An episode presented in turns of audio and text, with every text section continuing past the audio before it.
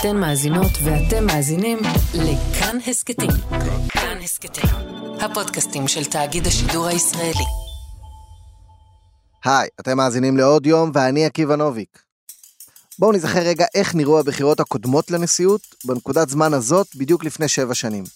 מועמד מוביל פרש בגלל עדויות על הטרדה מינית, בלי שמות זה סילבן שלום. מועמד אחר התגלה כמבקר בבתי קזינו בחו"ל וגם זומן לחקירה על קבלת כספים מפוקפקים, זה פואד. מועמד שלישי, מאיר שטרית, שילם דמי שתיקה לעוזרת בית שטענה שהוא הטריד אותה מינית. ברקע נתניהו שקל לבטל לחלוטין את מוסד הנשיאות כדי שרובי ריבלין לא ייבחר. איפה זה ואיפה מרים פרץ ובוז'י הרצוג, אה? מאיפה זה בא לנו ששני המועמדים לא אומרים מילה רעה אחד על השני, ששניהם כאלה אנשים מוערכים, ושאירוע כל כך פוליטי מתנהל כמו היינו בריטים? מה קרה לנו? הסיבה היא בעיקר האופי של שני האנשים האלה. אם יש פה קרב, הוא בעיקר בין הרצון של האנשים בכנסת לזה של האנשים ברחוב, בין המערכת לבין הלקוחות שלה.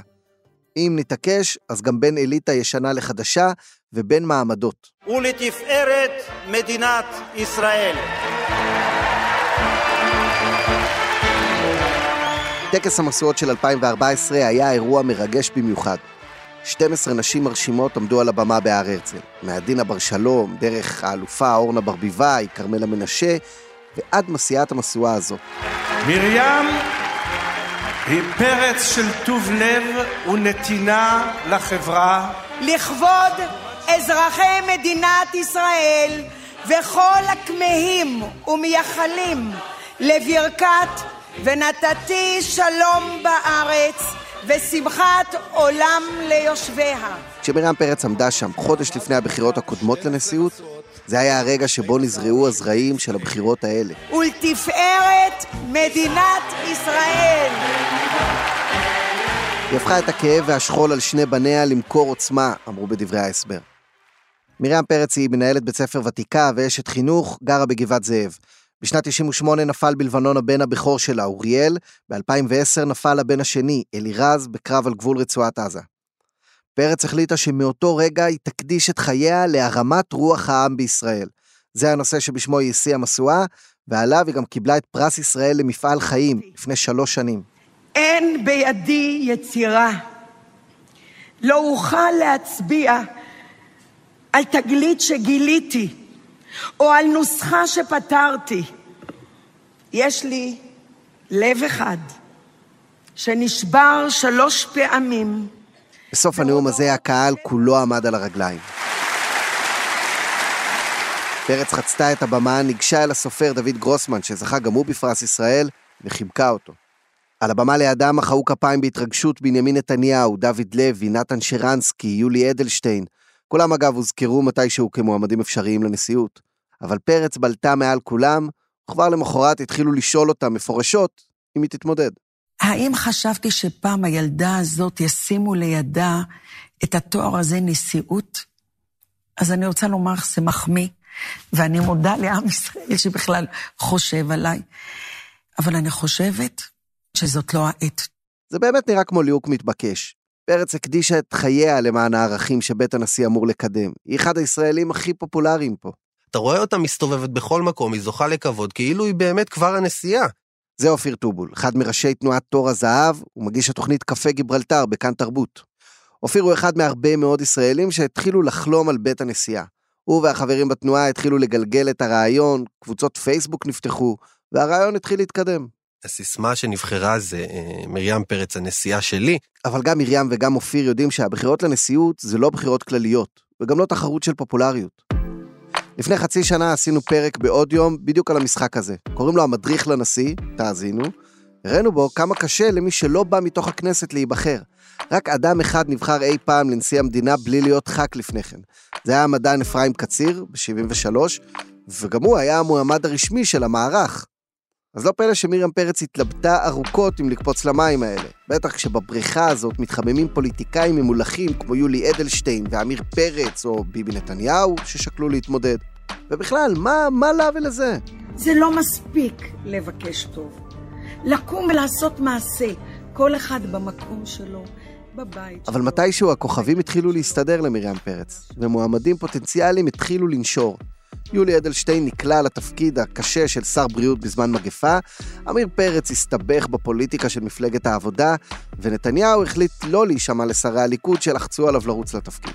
וכל הזמן הזה מגיעים אליה מי שמגיעים, ומסבירים שמאחורי הפרגוד, בהצבעה חשאית, הפוליטיקאים ילכו עם הלב, עם הסמל, עם האישה הראשונה, ועוד אישה מרוקאית, שהפעם יש לה סיכוי, והוא גדול מאוד.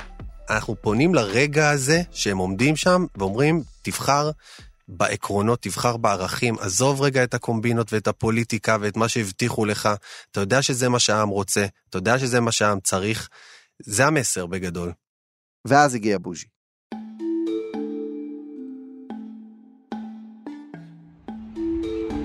מגיעים לכנסת, לב הדמוקרטיה הישראלית. פה תתקבל ההכרעה. אם הייתי אומר לכם שמרים פרץ צריכה לאסוף עשר חתימות של תומכים בכנסת, הייתם שואלים, ובצדק, מה הבעיה? עוד לפני שהיא תגיע למזנון החלבי כבר יהיו לה עשרים בכיס. זה מה שצריך כדי לרוץ לנשיאות. עשרה תומכים שאפילו לא מחויבים לבחור בך. אבל הרצוג עשה מהלך פוליטי מחוכם. הוא לא עצר בעשר חתימות והמשיך לאסוף. הוא היה הראשון להגיש מועמדות, עם לא פחות מ-27 חתימות. בכל המפלגות היהודיות בכנסת הוא השיג תומכים, כולל הליכוד, ימינה, הציונות הדתית. וזו טעות לחשוב שיש בכנסת 120 חתימות בקופה. הרבה מאוד ח"כים לא מתלהבים מלהביע תמיכה. אז הרצוג היה הראשון להסתער על אלה שכן, ואסף את רובם. תשאלו את יהודה גליק ויורם גאון, שפרשו כי לא הצליחו להגיע לעשר חתימות. או את מרים פרץ, שהגישה 11, אבל רק אחת מהן מחוץ למחנה הימין.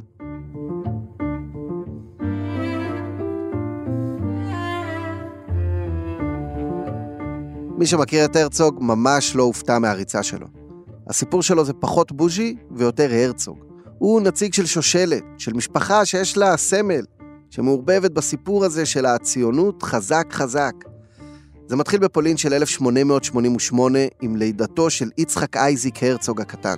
הוא היה לימים הרב הראשי של ארץ ישראל, אחד הבולטים שבהם, עד יום מותו בסוף שנות החמישים. הבן שלו, חיים הרצוג, יכול למלא עם הקורות חיים שלו גם חמישה פודקאסטים. הוא היה קצין בצבא הבריטי, לחם בנורמנדי, שחרר מחנה ריכוז, חקר את מפקד האס-אס, ואז היה אלוף בצה"ל, חבר כנסת, שגריר ישראל באו"ם, ולקינוח גם נשיא המדינה במשך עשר שנים. הוא נבחר פעמיים, פעם שנייה בלי מתנגדים. ולתוך כל זה נולד בוז'י. הרצוג הוא לא בן אדם, הוא לא בן אדם אישות בפני עצמו. הרצוג בעיני עצמו הוא מורשת של דורות. אורי רמתי היה יועץ של בוז'י ושל ראשי מפלגת העבודה, והוא עדיין קורא לו הרצוג. אני חושב שהרצוג, בעניין של להיות נשיא המדינה, פחות או יותר מהיום שהוא נולד. זה משהו שעוד מתחיל אצל סבא שלו, עובר אצל אבא שלו, אצל דוד שלו, הוא ממש ממש נושם את זה. לאורך השנים האלה הרצוג בינתיים לא מתבטל. הוא היה מזכיר ממשלת אהוד ברק, אחר כך ח"כ במשך 15 שנים, היה שר בכמה משרדים, ובסוף 2013 נבחר ליושב ראש מפלגת העבודה ויו"ר האופוזיציה. אפשר להגיד שחמש שנים הוא השקיע בניסיון להוריד את נתניהו, והתוצאה ידועה. תרשמו בפניכם מהפך! מהפך! אתם שומעים את זה? תמיד הייתה לו עילה של החנון הלאומי. אולי זה בגלל הכינוי שאימא שלו נתנה לו בתור ילד, ואף אחד לא חשב שיתפוס ככה. אולי זה כי יש בו משהו באמת קצת אה, לפלפי. אני אשמור על נתניהו מאוחדת. זה ה-DNA שלו. הוא גם לא טוב בעימותים. הוא לא טוב בתפקיד עימותי. הוא בזון שלו, הוא בשיא שלו, שהוא נמצא בתפקידים ממלכתיים. תפקידים שהם לא קונטרפוסליים. כן, בוז'י הוא קצת גרסה מוקדמת של בני גנץ. הוא לא באמת רוצה לריב, זאת הפוליטיקה שדוחפת אותו שוב ושוב לזירה. הוא מבחינתו היה מקים ממשלת אחדות מהרגע הראשון. אחרי הבחירות ב-2015, יש את המשא ומתן הקואליציוני, ופתאום, אם אתה זוכר היטב, ליברמן מודיע, אני לא בממשלה של ביבי. פתאום ביבי נופל לממשלת 61. אתם זוכרים את היום הזה? פתאום איוב קרא מתעלף, גלעד ארדן לא רוצה להגיע. היה לחץ אדיר בכנסת, בנט ושקד בזזו את נתניהו, הליכוד הלך לממשלת 61 עם אורן חזן כלשון מאזניים, היה בלאגן. והרצוג מקריא נאום ב... במליאה, נאום משובח, אולי הנאום הכי טוב שהוא עשה. נאום, הנאום הראשון שלו כיו"ר אופוזיציה, וקורע את ביבי. אדוני ראש הממשלה, השותפים הטבעיים שלך כייסו אותך, ולכן לא הקמת ממשלה, הקמת קרקס, קרקס נתניהו. ממשלת חטוף כפי יכולתך. סערה בטוויטר וזה, איפה הוא היה, אם הוא היה נותן את זה, הוא היה עכשיו ראש ממשלה. באותו רגע שהוא חוזר למשרד, הוא אומר, חבר'ה, בואו נרגיע, אני לא רוצה, הוא רק נבחר. הוא לא בנוי לתפקידים האלה של אופוזיציה. זה בוז'י. אז ההתמודדות פה היא בין יו"ר הסוכנות, הבן של, הנכד של, זה שמכיר את הח"כים ממש טוב, והם מצידם גם די אוהבים אותו, לבין מי שבאה מהקצה השני של העולם, שניהלה בית ספר, שכל הילדים שלה היו גולנצ'יקים. אם בוז'י בא מהצד שמעניק את הפרסים ואת התעודות, מירם פרץ היא מהצד שמקבל אותן. את מירם פרץ אתם מכירים די טוב אם חייתם פה בשנים האחרונות. אבל עוד לפני ששני הבנים שלה נפלו בצה"ל, היא הייתה מרים אוחיון מאמל"ח, הגטו היהודי בקזבלנקה, מרוקו, שחלמה על ירושלים. בכל לילה סיפר לי אבי על עיר שלא הכיר, שלא ראה בתמונות, ושתיאורה עבר מאב לבן, ירושלים, שיש בה עצים נוטפי דבש וחלב, ולרגליהם רובצים אריות וכבשים. כשמרים הייתה בת תשע ובוז'י היה בן שלוש, הגיע שליח של הסוכנות היהודית לקזבלנקה. מרים ומשפחת אוחיון עלו למעברת חצרים בבאר שבע, וככה היא נזכרה בימים ההם כעבור שנים בטקס קבלת פרס ישראל. חיינו ללא גז, ללא מקרר. היו לנו מיטות עשויות מברזל, עם קשיי קליטה ושפה חדשה, אבל הייתה שמחה גדולה על שזכינו להגיע לארץ ישראל. אי אפשר להיות ציני מול מרים פרץ, ותאמינו לי, ניסיתי. היא באמת אוהבת את המדינה הזאת, באמת אוהבת את האנשים פה, את כולם. הרבה לפני שהתחיל הקטע עם הנשיאות, הייתי רואה אותה בתור כתב, מגיעה למשפחות שיושבות שבעה, ותפסתי את הראש מאיפה יש לה כוח לזה. עד עכשיו אין לי מושג. המשואה האמיתית זאת משואת היום-יום. זה להדליק את הרוח יום-יום. זה להבעיר את הרוח בקרבי ולהצית לבבות אחרים. זאת המשואה. אם הבחירה הייתה ישירה של הציבור, אז לא היה כאן בכלל, אה, אתה יודע, סיבה להתאמץ יותר מדי, כי התמיכה בה היא, היא אדירה בציבור. זה שוב אופיר טובול, שההזדהות שלו עם מירם פרץ היא בין השאר על רקע המוצא המשותף. ולכן כבר כמה שבועות שהוא והחברים מתור הזהב עובדים קשה כדי שפרץ תנצח את הרצוג. זה פוסטים, זה בטוויטר, זה בפייסבוק, זה מדברים עם ח"כים, דואגים שהיא תיפגש עם, עם חברי כנסת ותבין עם מי היא נפגשת, ופונים בעיקר למצפון שלהם. מה שמעניין פה זה שהפניות ל-120 ח"כים אומרות בעצם אותו דבר. צד אחד אומר, תבחרו בה, היא לא פוליטיקאית מיומנת. צד שני אומר, תבחרו בו, הוא כן פוליטיקאי מיומן. יש בעיה לא פשוטה בחברה הישראלית, יש תהליך התפרקות מסוכן בחברה הישראלית. זה שוב אורי רמתי. אני חושב שהמערכת הפוליטית והציבורית בישראל, יש משקל מאוד גדול למה שהיא עושה, מכל הצדדים. ואני כן חושב שלהיכרות מעמיקה ולהבנה פוליטית, יהיה משקל חשוב מאוד בתפקיד נשיא המדינה הבא. אני חושב שדווקא במקרה הזה אתה צריך שם דמות שהיא מקובלת על כולם, שהיא לא פוליטיקאית. אנחנו צריכים כאן נשיאה א-פוליטית, לא ימנית, לא שמאלנית, מהמקום הזה שיכול לאחות את הקרעים. אני חושב שאנחנו כבר כמו הילדים האלה, שכל הזמן באיזה מין מריבה בלתי נגמרת, ששכחנו כבר כאילו למה אנחנו פה ומה הסיבה לכל הדבר הזה. מרים פרץ תהיה זאת שתזכיר לנו בעצם, לדעתי, את, את המכנה המשותף הבסיסי בינינו. והבחירות לנשיאות שאנחנו מדברים עליהן לא באמת קורות בתקשורת, או אפילו בהסכתים.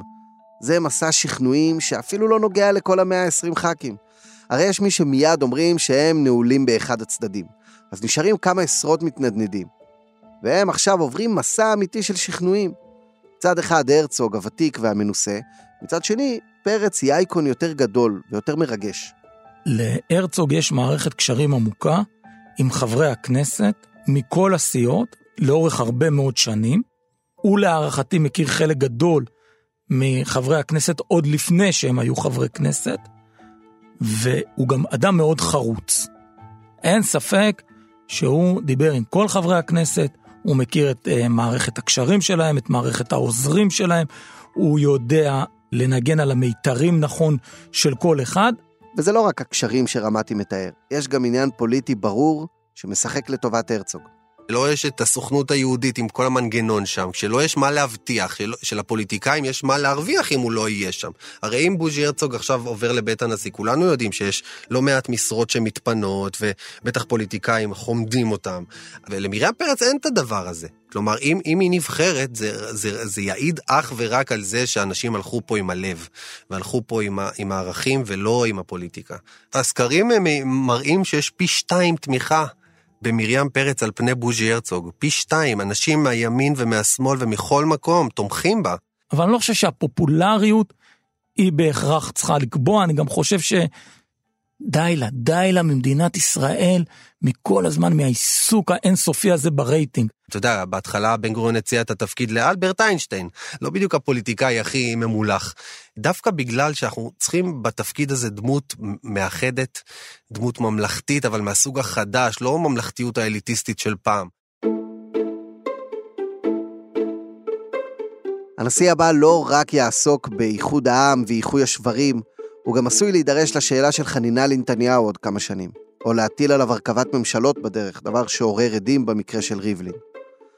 השתיקה של נתניהו מול שני המתמודדים מעידה אולי ששניהם ביחסים מאוד טובים איתו, או שאולי הוא חושב שהרצוג ינצח ולא רוצה לתמוך פומבית ביריבה שלו, כמו שלוחצים עליו בליכוד לעשות. כך או כך, שני המועמדים מקפידים עד לרגע זה לא להגיד אף מילה רעה אחד נגד השני. כשפורסם לפני כמה ימים שהרצוג קרא לשלי יחימוביץ' כלבה באיזו התכתבות וואטסאפ, אז הבן של מרים פרץ דרש מהתומכים שלה לא לחגוג על זה. אבל להתמודדות יש דינמיקה משלה, וכששני אנשים מתחרים על אותו דבר, זה רק עניין של זמן עד שההבדלים ביניהם יצופו, גם אם זה בטוב יחסית.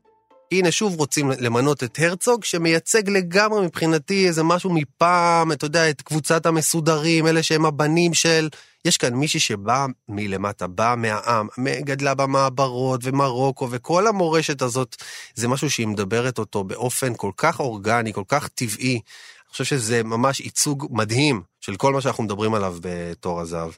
הרצוג הוא באמת מבניה הבכירים של דור מייסדי הארץ, מה שהיום קוראים לזה ישראל הראשונה.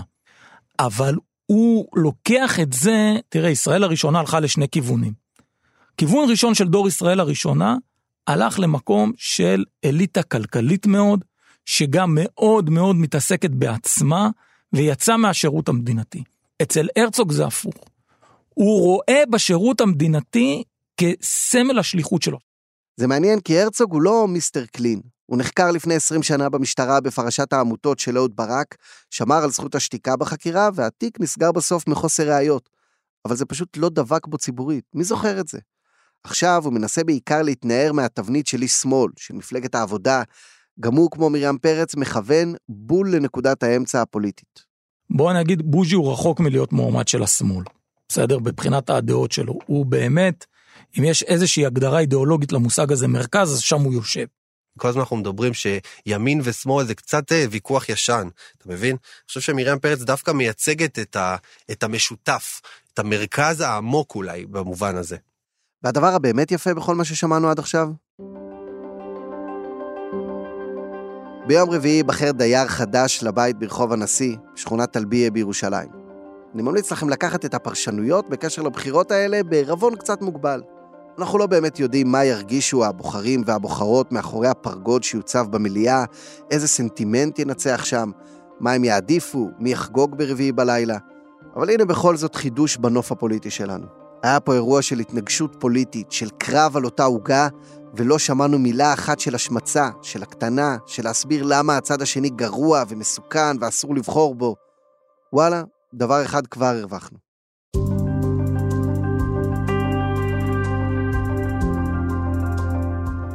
האזנתם לעוד יום מבית כאן הסכתים. דניאל אופיר וניר גורלי ערכו גם את הפרק הזה, רחל רפאלי עיצבה את הסאונד, הדר רשתי ומאיה מרקסון, חברות המערכת, סייעו בהפקה. תודה רבה לכל מי ששותפים לעשייה.